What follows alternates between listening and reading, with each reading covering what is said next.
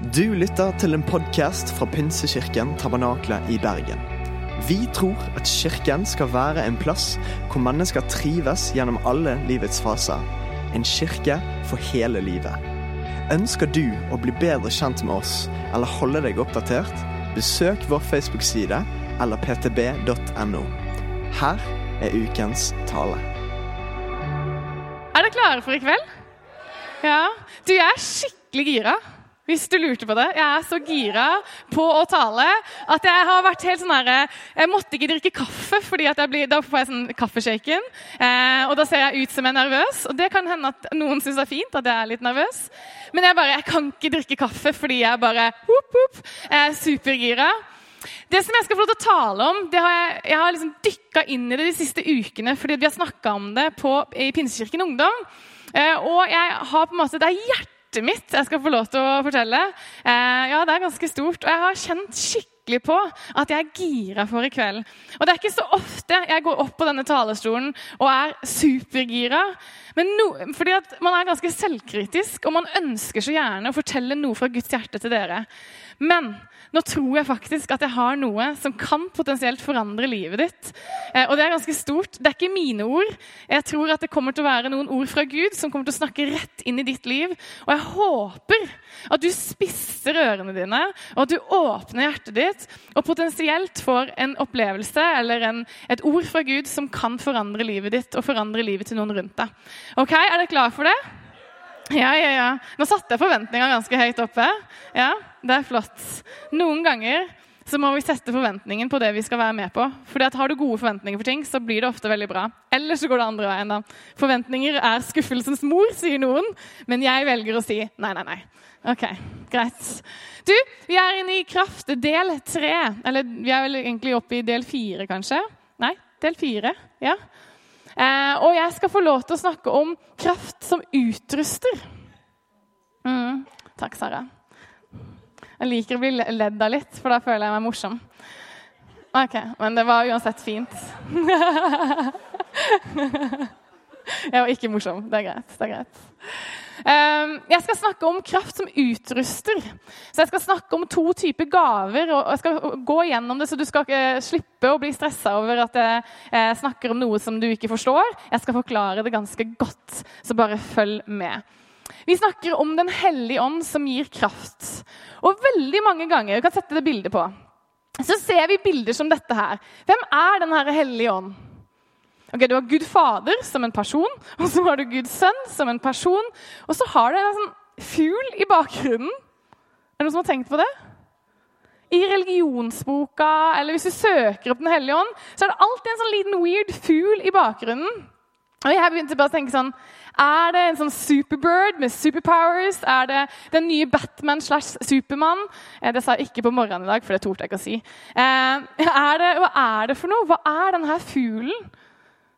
Er det en sky? Er det en energi? Er det en due? Er det, er det på en måte Er det en ild? Hva er det for noe? Og så mange ganger så blir vi så forvirra over denne fuglen i bakgrunnen. For Jesus kan jeg forholde meg til. Gud kan jeg forholde meg til. Men Den hellige ånd det er for noen spesielle mennesker som gjemmer seg i et rom bak her. Har du tenkt på det før? Men Bibelen snakker om Den hellige ånd som en person. Det er en person, en del av treenigheten. Og det er talsmannen, sannhetens ånd. Den viser oss vei og forteller oss hvem vi er. Den hellige ånd, for deg som har tatt imot Jesus, er så nær som når du puster. Alle sammen, pust. Så nær er Den hellige ånd. Og når du begynner å lure er, har jeg Den hellige ånd som troende, så kan du puste, og så vet du at Den hellige ånd er så nærme som pusten i lungene dine. Når du sier ja til Jesus det her gjorde jeg før Morten gjorde sist uke, så bare ikke stress med det. Eh, så er det sånn at du får Den hellige ånd. Ok? Det er ikke noe Du kan, du kan ikke be for det. Liksom. Du kan ikke på sånn mm, Hvis jeg ber sånn her, eller faster eller gjør noe som, som er liksom spesielt, så får jeg Den hellige ånd. Nei, når du sier ja til Jesus, så får du Den hellige ånd. Så er det sånn at Når du sier ja til å bli fylt av Den hellige ånd, så er det sånn at du fylles litt. Fylles med en kjærlighetskraft, som jeg liker å kalle det. Og til slutt så flyter det over. Det kalles en åndsdåp. Ganske enkelt. Det er kjærlighetskraften som du får når du tar imot Jesus, som bekrefter hvem du er, som sier at du er sønn, du er datter, du er elska, du er ønska. Jesus han bekrefter deg, Den hellige ånd bekrefter deg. Og når du fylles over av Den hellige ånd, så er det ikke bare kjærlighetskraften på innsida av deg, men den flyter over til andre mennesker som du ser mennesker, sånn som Gud ser dem. Du elsker mennesker sånn som Gud elsker dem. Og den kjærlighetskraften den flyter ut til andre mennesker. Den gir deg mot til å være den du er ment å være. Vi skal snakke om Peter seinere, men Peter reiser seg opp og han sier noe om Jesus som han aldri hadde tort å gjøre før denne dagen hvor han ble fylt av Den hellige ånd. Det gir deg mot å fortelle om Jesus på skolen din, på jobben din. Det gir deg mot til å gjøre det du skal gjøre. Det gir deg kraft til å gjøre større ting enn det Jesus Kristus gjorde på jorda. Han reiste en død person opp fra de døde. Så død person opp fra de døde, ikke sant? Han gjorde det. Så sier Jesus dere skal få gjøre større ting. Dere skal få se større ting enn det jeg har gjort. Han var der i tre år, og vi har hatt Den hellige ånd siden den ble gitt til oss sånn for alle. Det står at den samme kraften som er, var reiste Jesus Kristus opp fra de døde, er på innsida av oss. Tenk litt på det. Det er helt vanvittig. Reiste en død person opp. Den kraften er på innsida av oss. Det er en fantastisk kraft. Det er en kjærlighetskraft som er større enn noe annet. Og vi trenger det. Og vi trenger å bli kjent med denne kraften som er på innsida av oss. Kan jeg be? Hellige Ånd, takk for at du er her. Takk for at vi ikke må be om at du skal komme. Takk for at du ikke er en weird fugl i bakgrunnen, men du er til stede og du er nær oss. Helligånd, jeg ber om at du skal snakke inn i hjertene våre. Jeg ber om at du skal vise oss hvem du er. Og hjelp oss til å bli leda av deg. Hjelp oss til å se som du ser. Hjelp oss til å høre det du sier til hjertene våre. Takk for at ditt ord, Gud, går ikke tomhendt tilbake. Takk for at det som du har lyst til å si i kveld til hver enkelt, det vil gjøre det det skal. Og det har kraft til å gjøre store ting. I Jesu navn. Amen. Apostelens gjerninger 2. Jesus stikker opp til himmelen. Ikke sant? Samler gjengen seg på eh, et sånn loft fordi de kanskje er litt redde. Begynner å be. Så skjer det som endrer hele historien. Den hellige ånd faller det, i det rommet, og hvordan det ser ut, det skriver de om. Men de klarer på en måte ikke å forklare det. Så Det står sånn, det var litt som om, var litt som om altså De klarer ikke å sette ord på det, for det var ubeskrivelig. Jesus hadde snakka om det her, så de skjønte på en måte hva det her var. Han sa det er bedre at jeg stikker. Hvorfor det? Fordi jeg Jesus, altså jeg er ikke Jesus, viktig, viktig forskjell. Men Jesus sa jeg er tidsbegrensa, jeg er stedsbegrensa. Men Den hellige ånd er ikke begrensa tid og sted. Så blir, det, så blir de fylt av Den hellige ånd. Det skjer det som de har drømt om. De begynner å tale i andre tunger som ånden gir dem. Og det her høres veldig veldig rart ut. Det betyr egentlig bare at de begynte å snakke språk som de aldri hadde snakka før. Og det som skjer, er at folk begynner å samle seg rundt, rundt huset der de er. Fordi lyden er så høy. Og de hører, de menneskene som er rundt, hører om Guds storverk på sitt eget språk. Folk bare Hva er det her for noe? Er de fulle? Noen spurte om det. Så reiser Peter seg opp. Peter, den her pysa Du tenker sånn, Peter han var kul, han gjorde masse ting. Nei, nei, nei, nei. Når Jesus skulle bli hengt på korset, så sier Peter sånn Nei, nei, nei, jeg kjenner ikke han. Nei, nei, nei, jeg kjenner ikke han. Tre ganger så fornekter Peter Jesus. Så er det Peter, idet han blir fylt av Den hellige ånd, som reiser seg opp og bare Hei, hei, hei, nå skal jeg fortelle dere hva som skjer. Det som skjer, er dette og dette og dette. En breial bergenser som bare 'Jeg skal fortelle dere!' Og så begynner han å snakke Fylt av Den hellige ånd. Utrolig modig. Og så sier han det som skjer nå, er at det som Joel, profeten Joel har snakka om for mange år siden, Det som skjer nå, er at blir, vi blir fylt av Den hellige ånd. Vi skal få lov til å se bilder, og vi skal få profetere. Gamle, unge, slave, fri, barn, kvinner. Alle er inkludert i denne store, store inkluderingen. Det er ikke bare for noen spesielle. Og for deg så tenker du ja, selvfølgelig skal alle få være med. Nei, nei. Det var ikke vanlig på den tida. Det som skjer her, er at Guds rike kommer så tydelig til stede. For når Den hellige ånd kommer, så forandrer alt seg. For noen uker siden, så, noen måneder siden så satt jeg og snakka med en venninne. Hun studerer eh, tro, tar en doktorgrad i tro. Mm. Jeg har skrevet en master om tro og har fulgt en bibelskole i eh, et år. Hun er ikke troende selv, eller hun sier jeg, ikke, eller jeg sier at hun tror ikke så mye. Eh, og det syns jeg egentlig er greit. Men hun var ateisten på skolen når jeg gikk på videregående. Vi studerte, vi studerte politikk sammen, og vi var sånn på hverandre. Og vi bare sånn og, vi bare, og så gikk vi ut fra klasserommet. Da, da, da. Ja, 'Hva skal du i kveld?' da? 'Nei, jeg skal det. Skal vi finne på noe.' Eh, og så var vi kjempegode venner.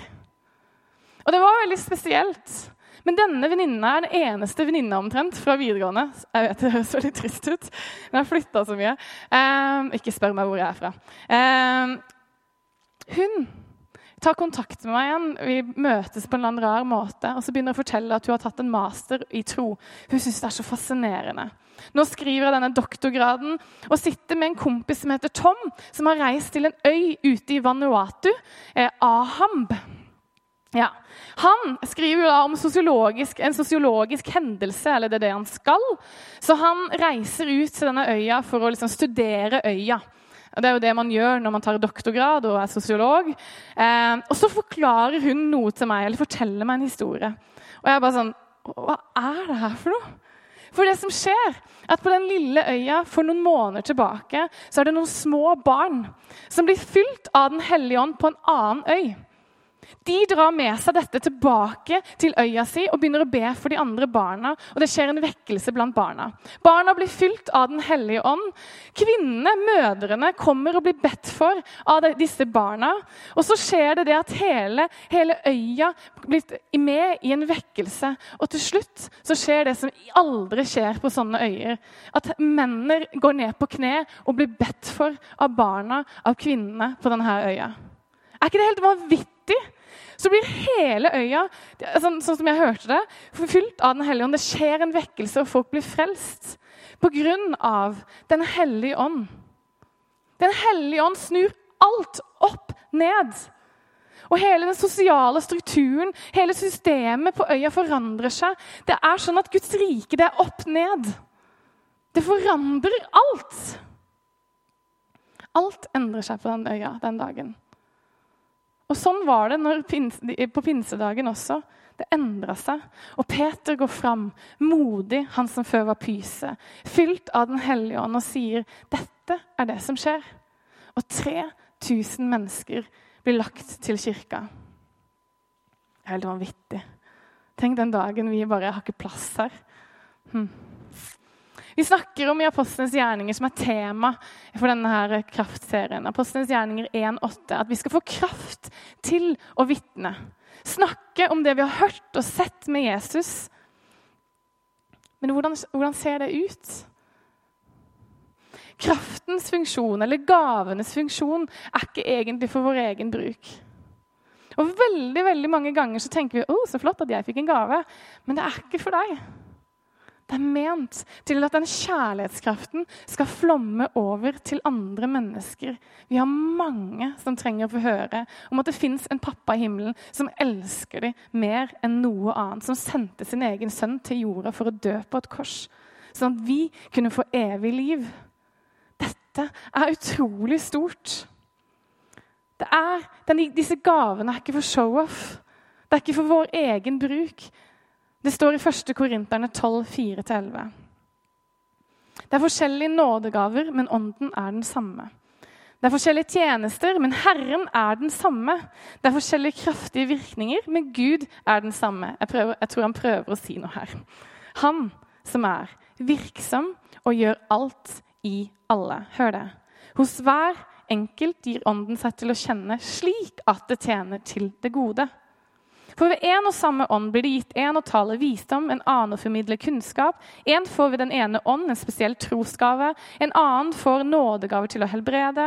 En får kraft til å gjøre under, en får, får den gave å tale profetisk, en annen å bedømme ånder, en annen får ulike slag av tungetale, og en annen kan tyde tungetale. Siste setning. Alt dette gjør den ene og samme ånd, som deler ut sine gaver til hver enkelt slik han vil. Det jeg hører her, er ikke at jeg skal prøve å ta meg sammen. Den hellige ånd gir meg disse gavene. Jeg kjenner at jeg kan slappe av, og jeg kjenner at jeg kan roe meg fordi det er kjærlighetskraften i og gjennom meg. En liten digresjon. Og jeg kjente på det for et par uker siden når Osvald snakka om tungetale. Fordi Tungetale er noe av det weirdeste som vi har. Alle er enige, men det er det mest fantastiske vi har. For i en verden hvor alt handler om å prestere, en generasjon perfekt Vi skal være så flinke, jeg skal si de riktige orda, jeg skal se sånn og sånn og sånn ut. Og når jeg ber foran andre mennesker, så vil jeg ikke be, for da tenk hvis jeg ber feil. Altså, Tungetale er så motkultur som du får det. Det handler ingenting om at du må være flink nok, men det handler alt om en, Den hellige ånd i og gjennom deg. Og det står at det taler hemmeligheter med ånden. Det er noe i tungetallet som jeg tror at vi er nødt til å catche. Det er ingen som tvinger deg til det, men jeg tror du har godt av det. Og jeg tror at du kan få lov til å kjenne at du slapper av i ditt trosliv når du tar imot gaven. Men det er det det er. En gave og du kan velge å ta den imot. Hele den lista som jeg leste, den kan fort bli sånn Oi, her var det mange ting. Her må jeg sånn, Sjekka jeg den? Nei, sjekka jeg den? Det er ikke begrensa til lister når vi snakker om nådegaver. Dette er bare en liste som han, han drar fram. Men det fins mange andre lister. Og det fins mange tester som du kan ta for å finne ut hva slags nådegave har jeg. Men det er sånn at jeg tror at nådegaver, gaver, er egentlig bare noe som ligger i deg. Og så får du noen gaver gitt når du trenger det. Så det er to typer. Jeg tror det finnes to typer, type nådegaver. Type, type. Det første den er naturlige gaver, en utrustning som ligger i deg fra begynnelsen av. Og det som er, er at Når du velger å bruke det til Guds ære, så blir det en nådegave. Og Gjennom hele Gamle testamentet hør det her, for deg som tenker jeg har en gave som kanskje ikke er så veldig bra i en kirke. Nå skal du høre. Det finnes klesdesignere, det finnes snekkere, håndverkere, kunstnere som er fylt av Den hellige ånd. Så du trenger ikke å begrense deg til den lista her. Det fins leger, det fins sykepleiere, det fins studenter. Det fins mennesker når de velger å la seg være fylt av Den hellige ånd, kan få bruke det til Guds ære. Dine naturlige gaver er ment til å bli brukt. Fordi at Gud han er veldig smart, skjønner du. For når han skapte deg, så tenkte han jeg skal putte noen bra gaver i deg. Som jeg kan få lov til å, å, legge enda mer på når du skal bruke det til å, å, vise hvem jeg er til andre mennesker. Kanskje du er flink med samtale, kanskje du er kreativ. Kanskje du er god til å skifte dekk. Kanskje du er veldig sånn praktisk, sånn som Roald, som bare hjelper til med alt. Kanskje du er en superoppmuntrer. Uansett hva det her er for noe, det kan være så mye mer. Hør meg når jeg sier det er ikke begrensa til lister. Når du velger å bruke dine naturlige gaver til Guds ære, så blir de nådegaver. De utrustende gavene er de jeg har lyst til å snakke mest om i dag. Og De kan ofte som jeg sa, ha veldig stor sammenheng med dine naturlige gaver. Så hvis du er flink til å synge, så er det gode muligheter for at Gud kommer til å bruke det på en eller annen måte. Kanskje ikke på en scene, jeg vet ikke. Det er veldig stor sjanse for at Gud har lagt det for en grunn. Men det er også sånn at utrustende gaver er også noe du kan få i en spesiell situasjon. Det kan være sånn at du er i en situasjon hvor du trenger en spesiell gave. Og så kan Den hellige ånd gi deg den gaven som du trenger for den situasjonen. Fordi hele pinsehistorien handler egentlig om mennesker som ingen trodde kunne få noen, ting, liksom, noen gaver, og de var ikke verdt noe. Det er faktisk sant men de ble brukt av Gud. Det fins mennesker som alle bare at De kommer ikke til å bli noe. Og de forandra historien. Disiplene. Det var en haug med tollere. Var, altså Tollere er sånne kjipe mennesker som tar imot penger. Det er ikke revisjon og regnskap, så hvis du studerer det, slapp av. Eh, det, finnes, det fantes fiskere. Fiske er jo gøy, sånn egentlig. Men det er en hel haug med folk som du bare ikke regner med. Disse bruker Gud til å forandre verden. Det sier noe om at han kvalifiserer de han, ut, de han kaller. Det var egentlig bare Paulus som var kvalifisert. Noen gaver er mer synlige, og noen er mindre synlige. Og I korinterne så var det sånn at det hadde blitt litt sånn kult å vise seg fram. Det kan du lese i, Korint, eh, i korinterne. Og det Paulus gjør, han bare sånn, nei, han smasher de. Han bare, Det her handler ikke om å vise deg fram. Kan du droppe det? Så det står mange ting sånn der, Når vi leser kjærlighet, den der kapittel 13 vet du, Kjærligheten er tålmodig, kjærligheten bla, bla, bla. ikke sant? Det egentlig Paulus gjør. Altså, kjærlighet er bra. Men det egentlig Paulus gjør, er at han bare sånn Skjønner du hva kjærlighet er? Kjærlighet gjør nådegavene effektive. Når du prøver å vise deg fram, så gjør du det verre for andre mennesker. Men den gaven du har blitt gitt, er ment til å tjene mennesker. Den er ment til å bruke til å elske mennesker. Kjærlighetskraften i deg og gjennom deg. Det er en nådegave. Og med det nåde er et stikkord. Det handler om å få Jesus til å se bedre ut. Det står at ånden skal herliggjøre Jesus. Det betyr egentlig bare å lyse på Jesus og peke på Jesus. De gavene vi har fått, er ment til å lyse på Jesus. Det står i eh, Korinterne, 1. Korinterne 14,12. Eh, slik også med dere. Siden dere nå med iver søker de åndelige gavene, så søk dem og få dem i rikt mål for at menigheten skal bli oppbygget. På engelsk står det 'excel in those who build up'. Vær best på å bygge opp. Og denne kirka her skal være kjent for å være best på å bygge opp. Er vi det alltid? Nei, nei, nei. Men skal vi det? Ja. Det er målet vårt. Vi skal virkelig excel i det.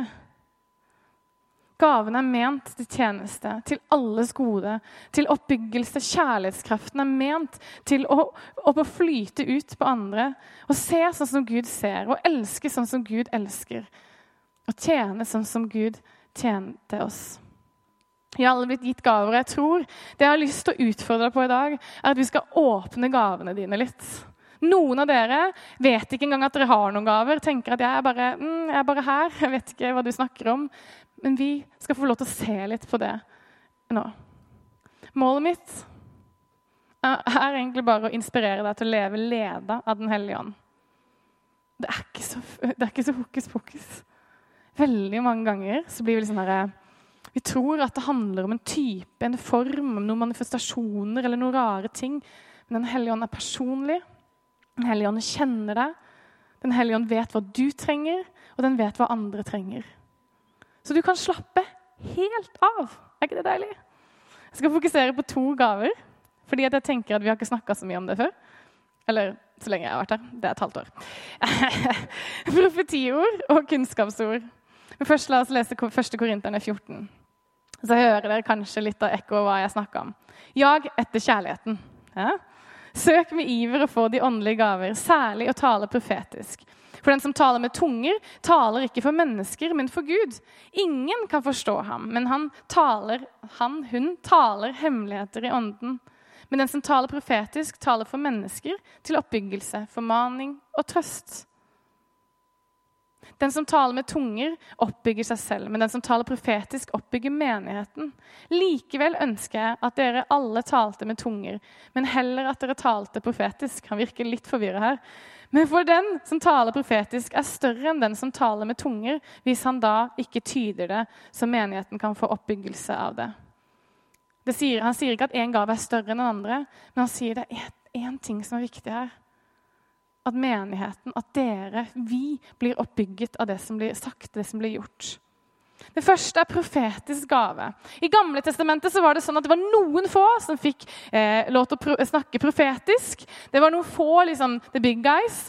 Eh, og de fikk høre fra Gud på vegne, eh, på vegne av Gud til folket. Men det her var en spesiell gave. Bare noen få som fikk det. Det var liksom Moses, Jeremia og liksom the big guys. Og så kommer vi til Det nye testamentet, den store inkluderingen hvor alle får lov til å være med. Og så gir Ånden slik han vil. Og Derfor kan vi søke med iver, som det står. Vi kan søke de åndelige gavene. Vi kan søke å tale profetisk, akkurat som vi leste tidligere her. Definisjonen på det er egentlig bare profeti er gudegitt innsikt i en situasjon eller et problem her og nå. Og det handler om oppbyggelse. Stå fast. Ikke når ting er tøft. Stå fast. Gud kommer til å svare deg. Det handler om oppmuntring. Det handler om å fortelle sannheter. Det handler om å fortelle det som Gud sier, det som Bibelen sier. Det handler om formaning, som egentlig er bare rettledning. Det er litt sånn denne veien. Ikke mist motet. Det er en advarsel. Hvis du går dit, så tror jeg du kommer til å skade deg eller noen andre mennesker. Det handler om å løfte frem Guds løfter, det handler om å trøste. Det handler noen få ganger om framtida. Å tale profetisk handler om å snakke inn i nåtiden med fremtiden i, i tankene. Det handler om å dra ut gullet av mennesker. Og når vi snakker om dette, så er det viktig at du forstår én ting. For jeg har, lyst til at du skal, at du skal teste dette her i life-gruppa, når du er med vennene dine. For du kan få det. Det er ikke noe som bare er for noen få mennesker. Men da har jeg bare lyst til å gi deg noen sånne der regler. ok? Spilleregler. Prøv alt. Ja, ganske greit. Det står I, i, i et bibelvers så står det i forakt ikke profetord, men prøv alt og hold fast på det gode. Så der fikk du en bibelsk begrunnelse også. Er det bibelsk? Kjenner du det igjen? Det fungerer ofte som en bekreftelse, eller så blir det bekrefta, det som du har fått eller gir. Okay? Frukten, hva er målet med det du sier? Frukten skal være god. Det er alltid målet. Ikke si 'Så sier Herren'. Har du noen som har hørt det? Ikke gjør det. Dropp det. Misbruke Guds navn handler ikke om å banne. Visste du det? Misbruke Guds navn handler om å bruke Gud for din egen fortjeneste. Gud sier til meg at du skal gjøre dette og dette. Du skal gi meg alle pengene dine. Søren! Altså, da, kan ikke, da kan ikke Martha si noe mot det. For da har jo Gud sagt det, og Gud er jo Gud. Det setter meg en, Martha i en veldig situasjon, vanskelig situasjon og meg i en veldig god situasjon. Utfordr mottakeren til å teste det som du har gitt, hvis du har gitt et ord, og test selv om du har blitt gitt et ord. Og Vær forsiktig med sånne personlige ting. Du skal gifte deg med den og den, du skal slutte den jobben, altså kjøp den bilen, spille i Lotto. Dropp de tinga der. Hvis ikke du er bare tusen ganger forsiktig. Altså, du bare 'Jeg vet alt'. Og da vil jeg kanskje snakke med deg etterpå. Øv deg. OK? Når jeg sitter og snakker om dette, eller sitter og skriver om dette og prøver å forberede meg på det her, så får jeg en melding, og nå har jeg gått i dette de siste ukene, og så får jeg en melding av en venninne som skal preke på en ungdomskonferanse. Og Hun er eh, mor til to og er på en måte, hun føler seg kanskje ikke som den der eh, kule ungdomspredikanten. Så hun sier til meg sånn 'Å, Sandra, jeg skulle ønske jeg var like kul som deg.' Og jeg bare ja, you wish. Eh, og så Nei, jeg sa ikke det. Jeg skal oppmuntre. ok? Så jeg bare ok, sender en melding på fredagen. Jeg sa faktisk ikke det, altså. Um, og så, jeg, og så, begynner jeg å skrive liksom, 'Å, Stine, du er så flink', og bla, bla, bla. Sånn som man skriver. Hyggelige ting. Og så plutselig Så plutselig så kommer det Og jeg kan ikke forklare det. Og Det er noe du er nødt til å lære deg selv, for det tar tid å bli kjent med Den hellige ånds stemme på innsida. Og det er ikke en lyd altså, Men det er bare noe inni meg som skifter, og jeg klarer ikke å forklare det. Jeg skulle ønske det. Så skjer det noe, så skriver jeg 'Vær tydelig, Stine'. Og så får jeg en melding tilbake. Det var akkurat det Gud fortalte meg rett før du sendte den meldinga. Det er et profetisk ord. Det bekrefter noe som hun har blitt minnet på. Et annet ord, et annet, En annen gang eh, er sist søndag, hvis du var her, så leder jeg møte. Og så På slutten av sangen så synger vi et, et eller annet om håp. Og plutselig så kommer det noe på innsida av meg, et skifte. Jeg klarer ikke å forklare det. Det er ikke noen sånne uh, følelser. Men det er et eller annet bare i meg som gjør at jeg må reise meg opp. Og jeg på en måte tar på meg en autoritet som ikke er min. Og så går jeg opp og sier jeg tror det er noen her som sliter med å se eh, at det, det er håp for dem. Så begynner jeg å snakke inn i en situasjon og fortelle noe som jeg egentlig ikke vet noen ting om. Men det handler om en situasjon som skjer her og nå. Noen som går igjennom noe skikkelig tøft. Og så skjønner ikke jeg hvorfor jeg sier dette. Men så sitter jeg i en samtale noen dager etterpå og så skjønner jeg hva det er for noe. Fordi å snakke profetisk handler om å oppmuntre, formane, trøste. Det handler om å bygge opp. Og det er det det er. Guds løfter er dette. Bibelen sier dette. Jeg har håp for deg. Jeg har framtid for deg. Det er profetisk, eh, profetiske ord. Det er nemlig sånn at Gud har ansvaret for det du skal gjøre. Og du kan få slappe av. Det er kjærlighetskraften i og gjennom deg. Om du ikke husker noe annet enn det, så vær så snill, husk det. Mot slutten nå så skal jeg fortelle litt om kunnskapsord. Hva er det? Det er såpass enkelt som at jeg vet ingenting om en situasjon eller en person, og så sier jeg noe til de som treffer de. Ganske lett. ikke veldig vanskelig. Ja? Eller ganske vanskelig. Det kommer an på om det er Gud som sier det eller ikke. ikke sant?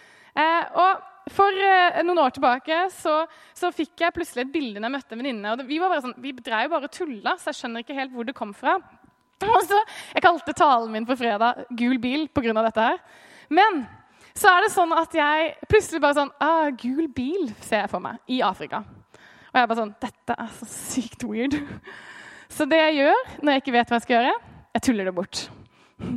Det gjør jeg alltid. Jeg ler, le eller gråte. Le eller gråte. Det er alltid valget. Så jeg velger å le, så jeg bare Oi.